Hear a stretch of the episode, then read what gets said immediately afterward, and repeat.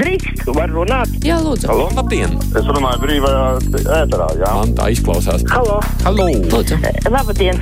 Uh, Aidis, Jā, vai vārds kundze? Jā, nē. Varu runāt? jā, lūdzu. Nu, mēģiniet. Varētu izteikties? Jā, Tālruņa numuru mūsu studijā 6722, 888, 672, 559, varat sūtīt ziņu mums arī no mūsu mājaslapas. Viesturs raksta, mūsu valdība cīnās ar sakām, nevis ar cēloņiem, ieejot avīšu kioskā.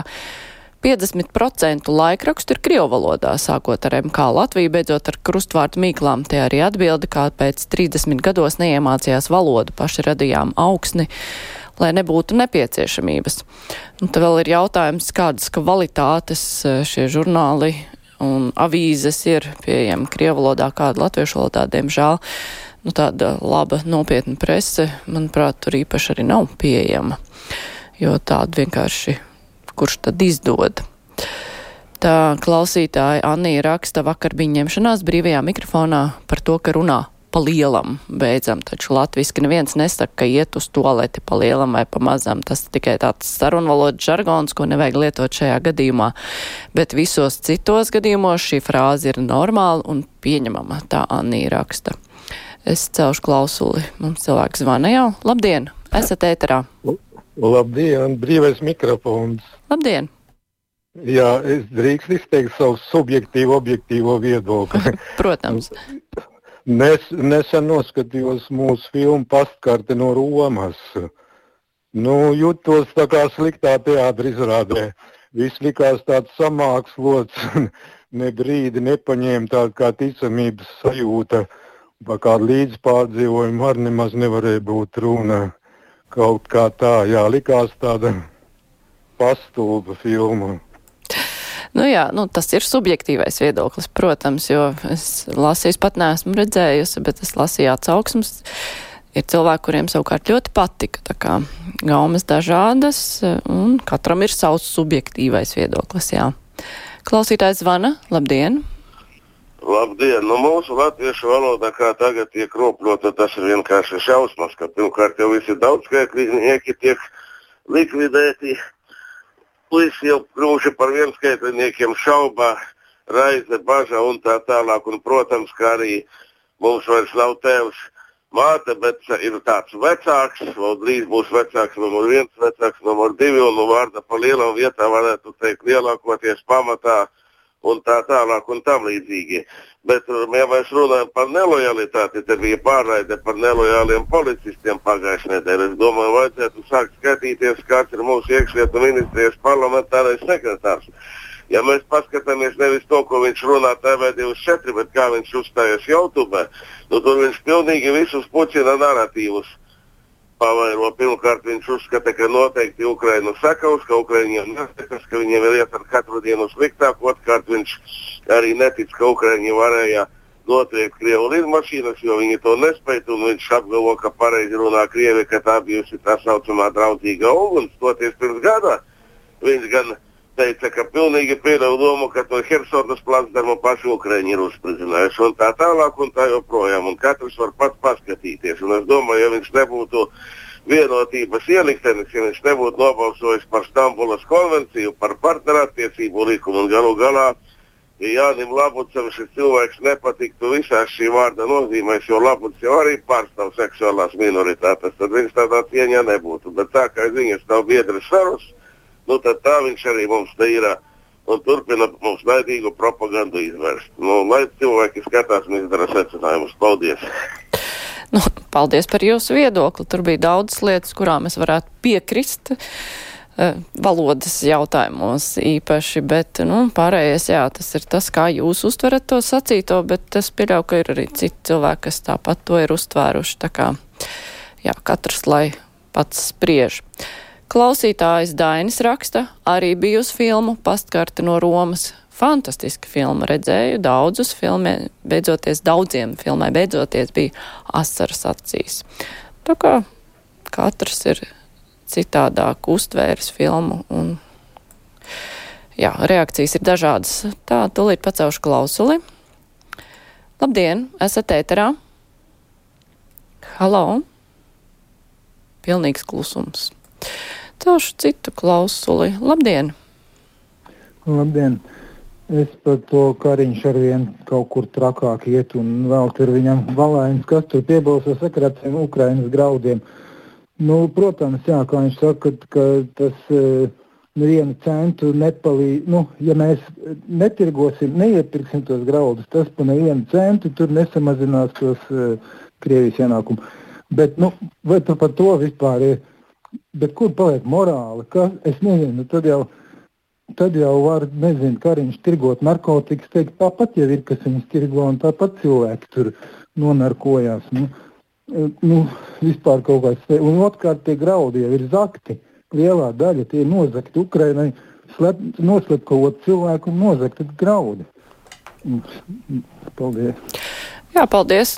Mums pagājušo nedēļu, ja jūs dzirdējāt, bija diskusija par šo, un klātesošie tur lielākoties liecās uz uh, to, ka vajadzētu tiešām arī tranzītu, ne tikai ieviešanu pārtraukt, bet uh, valdībā, jā, kāpēc šis lēmums uh, nevar tikt pieņemts, tur uzreiz ieslēdzas kādi citi argumenti. Klausītāja Vita raksta, vajadzētu uzaicināt kādu atbildīgo no saimas un izvaicāt par bezjēdzīgo šlesteru ģimenes un pārējās kompānijas ceļojumu uz Ķīnu, kāpēc no nodokļu maksātāja naudas kaut kas tāds jāapmaksā. Nu, tur nebija, tie bija Ķīnas nodokļu maksātāji, kas par to ir maksājuši, bet eh, jautājums ir vietā, kāpēc šajā laikā, šajā pasaules situācijā vispār ir jābrauc uz Ķīnu, tur vajadzētu pavaicāt gan tiem politiķiem, Klausītājs zvana. Labdien! Labdien! Esat ēterā? Uh, es gribēju jums pateikt, lieciet taču mierā stresa ar kāju masāžu Ķīnā. Masējiet savas mēles tepat Latvijā un domājiet par tautu. Jūs bijāt pirmā, kas pieminēja šo masāžu. Tā kā, jā, tad jums ir jāliek sevi mierā, laikam tā. Klausītāja Kristīna raksta pēdējā laikā no politiķiem nākas dzirdēt, ka redz patvērtnes būvēt ir dārgi, bet kāpēc nevar atjaunot tās, kuras mums ir, ka viņš saka, ka tranzītu graudiem nav jēgas aizliet, jo tāpat uzņēmēji atradīs citus ceļus, tad sanāk labāk neko nedarīt, un tādi mums ir politiķi. Ceļu klausulu brīvais mikrofons, labdien! Labdien! Sakiet, kas tas notiek tagad? Visi pedagoģi tikai streiko, jā. Bet e, padomju laikā bija piedāvāja gan apkurei, bija gan arī elektrībai bija atlaidis zināmu kilovatu skaitu. Tagad laikam nekas nav, cik es saprotu. Nu, padomi laikā jaunu pedagogu arī nebija tā apmaksātākā profesija. Uh, Tikai streikot tā nedrīkstēja, tur varēja nonākt lielās nepatikšanās. Miks raksta vizīti uz Ķīnu ir absurda, ne tikai tāpēc, ka Ķīna ir Krievijas sabiedrotā, bet dīvaini salīdzināt Ķīnas attīstību un ekonomiku ar Latviju. Klausītāja Agrit raksta, jums jauks džingls jūsu raidījumam, kurš samontēts no klausītāja zvanu fragmentiem. Iesaku iekļaut džinglā arī Daugaupils Aivaru. Hm. Paldies par ieteikumu. Klausītājs zvana. Labdien! Labdien! Labdien, esat ēterā. Mik brīvais mikrofons? Jā, jā, runāt? esat ēterā, jā. Redziet, es absolūti neesmu Daugavpils uh, uh, fans, ja? bet šodien es piekrītu 100 un 110% par Igoru Rajevu.